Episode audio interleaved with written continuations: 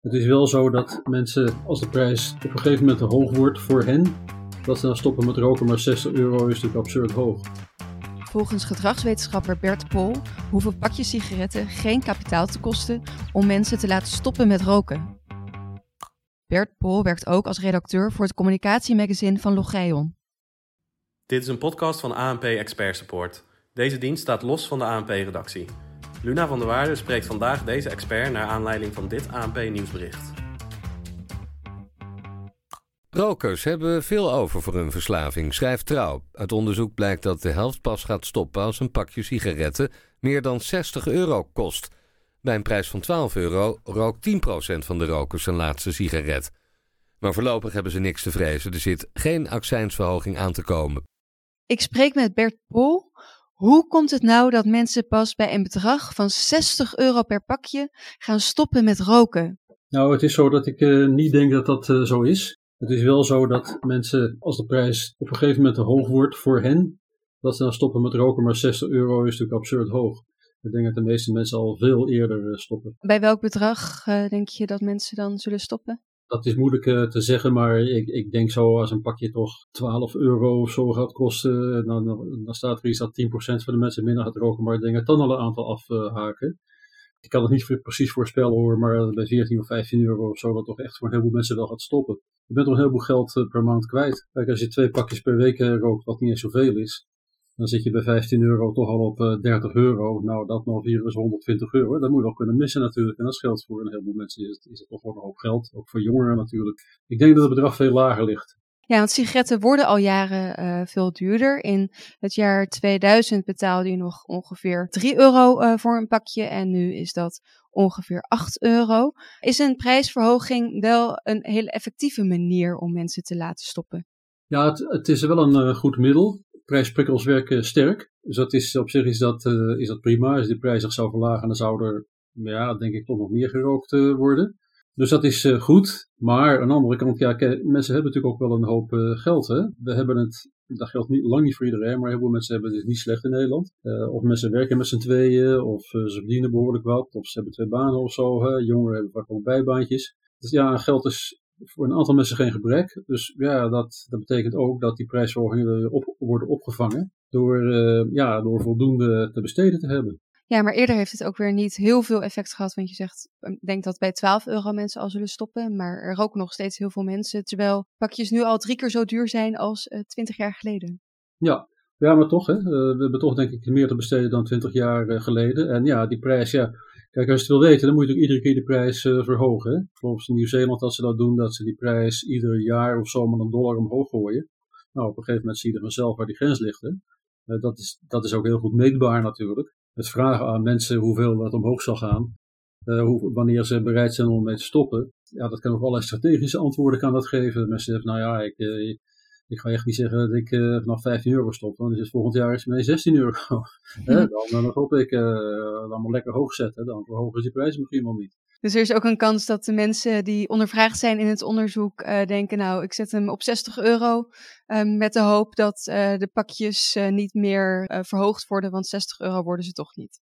Ja, dat kan heel goed. Zeker, zeker, zeker. En het is toch zo, hè, met onderzoek, als je mensen vraagt, of het nou rechtstreeks is of met een digitale enquête of zo, als je mensen vraagt wat ze gaan doen, dan geven ze antwoord. Zeker als het over gedrag gaat, dan geven ze antwoord. Nou, ik ga dit wel doen. Dat betekent dat ze het wel van plan kunnen zijn of dat ze het overwegen, maar dat is lang niet altijd wat ze gaan doen. Daar gaat vaak een enorme kloof tussen, tussen de intenties van mensen en wat ze werkelijk gaan doen, wat ze zeggen en wat ze gaan doen. Dat is lang niet altijd één op één. Daarom zijn over het algemeen dit soort enquêtes ja, dus met digitale enquêtes of vragenlijsten zijn, als het om gedrag gaat, vaak niet zo heel erg valide, om het maar zo te zeggen. Het is niet het beste instrument daarvoor, zeker niet. Nee, dus eigenlijk uh, dit onderzoek hoeven we niet heel erg serieus te nemen. Nee, nee, het betekent natuurlijk wel dat een heleboel mensen bereid zijn om er meer voor te betalen.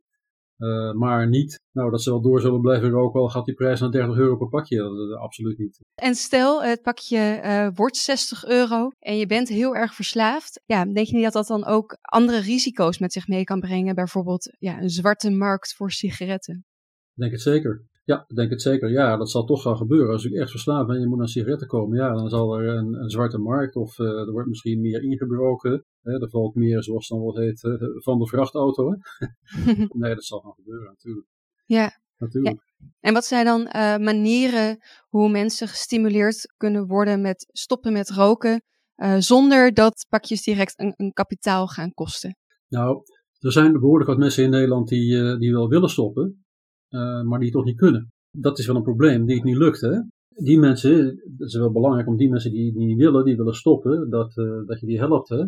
Dat je daar iets op verzint, hè, bijvoorbeeld bijstand uh, verlenen, hè, coaching, wat dan ook, om die mensen te faciliteren, te helpen om met dat roken te stoppen.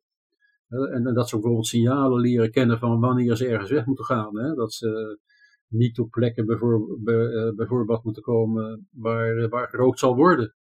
Nou, als je naar een café gaat of zo, dat je dan uh, liever niet uh, op het verwarmde terras moet gaan zitten. Want dat zijn natuurlijk de plekken waar er ook wat hoort. Dan kun je beter maar binnen gaan zitten. Wat je moet zeggen als een sigaret aangeboden wordt, dat soort, dat soort zaken, dat is wel belangrijk. Er zijn uh, cursussen voor en zo, en coachingstrajecten. Dat is heel goed om te doen. En dat, dat faciliteren, daarvoor betalen we als overheid. Ik denk dat dat belangrijk is.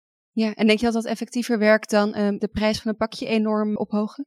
Ja, ik denk het wel, want uh, nou ja, de prijzen pak je enorm ophogen, ophogen, dat werkt natuurlijk ook. Hè? Hè, dan als je zegt, dan maak je die prijs 50 euro, pak je 60 euro, ja, dan zie je dat mensen meteen stoppen, behalve degene die, uh, ja, die er op andere manieren aan weten te komen, of die ontzettend veel geld hebben. Maar uh, nee, dat, dat zal werken. Maar het is natuurlijk ook een maatregel waarvan ik me afvraag of die er nou door gaat komen. Dat... En, en welke rol speelt de overheid dan in als we kijken naar de hulp en de coaching die mensen uh, zouden moeten krijgen om van hun verslaving af te komen? Belangrijk is, is om die campagnes te blijven voeren. Het is die overheidscampagnes, hè. Uh, dat die regelmatig zichtbaar zijn. Het is toch zo dat ook als mensen willen stoppen, of als ze zijn gestopt of niet roken, dat het goed is om daaraan te helpen herinneren. Omdat je uh, op een gegeven moment dreigen toch dingen vergeten te worden, weg te zakken en mensen dreigen terug te vallen in eigen gedrag.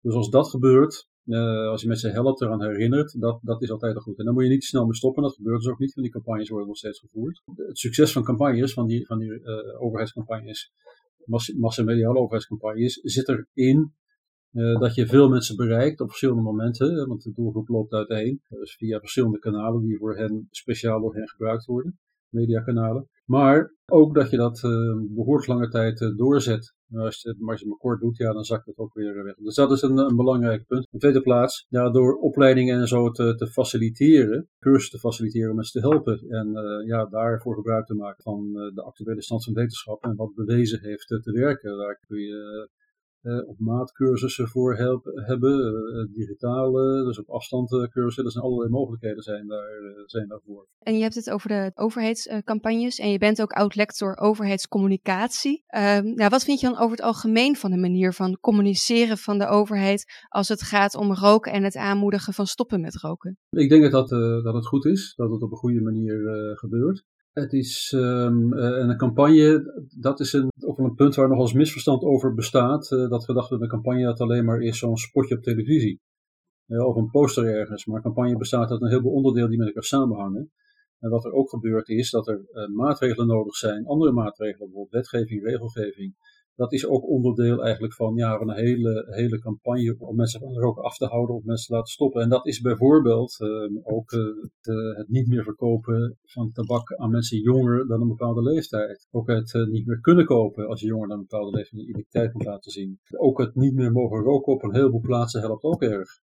Het is toch makkelijker om, uh, om een sigaret aan te steken als je in een café zit, hè, omdat dat gewoon kan, dan om naar buiten te moeten of in een uh, restaurant. Of nog een stukje weg te moeten staan van, uh, nou ja, van, van de plaats waar je werkt en naar buiten te moeten gaan en van een soort triestig hokje ergens in de parkeergarage daar dan toch met elkaar te gaan staan roken. Het, dat zijn allemaal maatregelen die, die helpen en die ook onderdeel zijn van de campagne en die, ja, die een samenhangend pakket vormen. Ja, dat is al, bij elkaar is het effectief. En dat gebeurt dus ook. Ja, er zijn er altijd mensen die wel roken. Dus is, uh, dan zul je ook weer moeten kijken wat zijn nou de redenen waarom mensen wel roken. En wat zijn dan de manieren om het, uh, om het te veranderen. Hè? Dat, dat wijzigt zich ook. Hè? Als je de eerste groepen hebt, nou ja, dan zie je dat je op een bepaalde manier kan afkomen. Maar naarmate de groep kleiner wordt, zijn er weer specifieke redenen waarom mensen roken binnen zo'n kleine groep. Hè? Nou, daar moet je ook weer onderzoek naar doen. En daar je maatregelen, je interventies op uh, baseren. Maar als ik het zo hoor, dan gaat het eigenlijk al best wel goed, de goede kant op. Nou, zeker, zeker, zeker. Als je het vergelijkt met hoe het vroeger was. Toen vroeger rookte bijna iedereen. Ja, dat is echt enorm uh, teruggedrongen. In het begin waren er nog van die campagnes van, uh, herinner ik me nog wel, en de, de oudere luisteraars waarschijnlijk ook, hè, van roken moet mogen en samen komen we wel uit en zo. Uh, het waren allemaal heel vriendelijke campagnes. Maar dat is, uh, het, is enorm veranderd. Uh, je ziet ook nergens meer op uh, feestjes staan uh, dat er van die, van die kokertjes met sigaretten en sigaren en zo staan. Met staat er ook asbakken staan. Dat gebeurt allemaal niet, niet meer. Er mag ook geen reclame meer gemaakt worden voor tabak en op een sigaret op televisie en op de radio. Dus ja, dat zijn allemaal enorme succesvolle ingrepen en ontwikkelingen eigenlijk geweest. Hè? En uh, ja, als we dan weer even teruggaan naar het nieuwsbericht. De prijs moet heel erg omhoog gaan, wil iemand uh, stoppen. Nou, voorlopig blijven de prijzen van sigaretten gelijk. Wat is jouw tip aan de mensen die toch graag willen stoppen, maar het erg lastig vinden om dat zelf te doen? Ik zou kijken wat er voor hulp is, wat voor cursussen zijn. Die zijn er namelijk, hè, dat je, uh, dat kun je ook via de huisarts achterkomen of op andere manieren. er zijn verschillende manieren om erachter te komen. Kijk wat er is. en vooral meid ook plekken waar gerookt wordt, waar je weet dat er gerookt wordt. En als je signalen opvangt dat er gerookt gaat worden, dan is het ook heel verleidelijk om ook even iets op te steken, maar zorg dat je daar dan niet bij bent. Hè? Zorg dat je daar uh, weggaat. Een van de dingen die, die je geleerd hebt is gesprekstrainingen, of uh, trainingen hoe je met situaties moet omgaan, hoe je op een vriendelijke manier duidelijk kan maken dat je geen sigaret wil, of dat je ervoor bedankt, of dat je toch last van hebt dat er gerookt wordt. dat zijn belangrijke, belangrijke dingen, belangrijke redenen voor, voor mensen. En ja, als je weet dat er ergens een, een sigarettenzaak zit of een tabakzaak zit, eh, waar je regelmatig langskomt, eh, dat je niet in de verleiding moet komen, zeker niet op sommige momenten waarop je echt behoefte aan een sigaret om daar in de buurt te komen, dat je daar omheen moet lopen. Dat zijn allemaal vrij simpele dingen, maar dat zijn dingen waar, die je kunnen helpen om er, uh, om er vanaf te komen. Ja, en voor een deel van de mensen die echt heel verslaafd zijn, is, is het moeilijk. Hè? Daar is denk ik specialistische hulp voor nodig. Dat is, uh, maar doe er iets aan, denk ik. Hè? Ook zelf, als je niet meer wil roken, doe er iets aan probeer het. Er zijn natuurlijk altijd mensen, dat is ook nog wel zo, die, die dan een keer gestopt zijn, dan lukt dat niet. En ja, dan proberen ze het nog een keer en dan lukt dat eventjes, maar ook niet en nog een keer. En dan denken ze op een gegeven moment, ja zie je wel, ik kan gewoon niet stoppen. Maar het blijkt dat gemiddeld mensen zes à zeven pogingen moeten doen of doen om uh, te stoppen met roken en dat het dan pas lukt. Dus geef niet te snel op. Het is niet erg om, als het niet meteen lukt, maar blijf het proberen. En dan, die kans dat het echt lukt wordt steeds groter. Nou, blijf het proberen en op naar een uh, gezonde toekomst, zou ik zeggen. Uh, dankjewel, Bert Pol.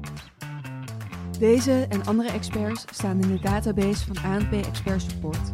Ga voor meer informatie naar anp.nl/slash expertcast. Dit is een podcast van ANP Expert Support. Deze dienst staat los van de ANP-redactie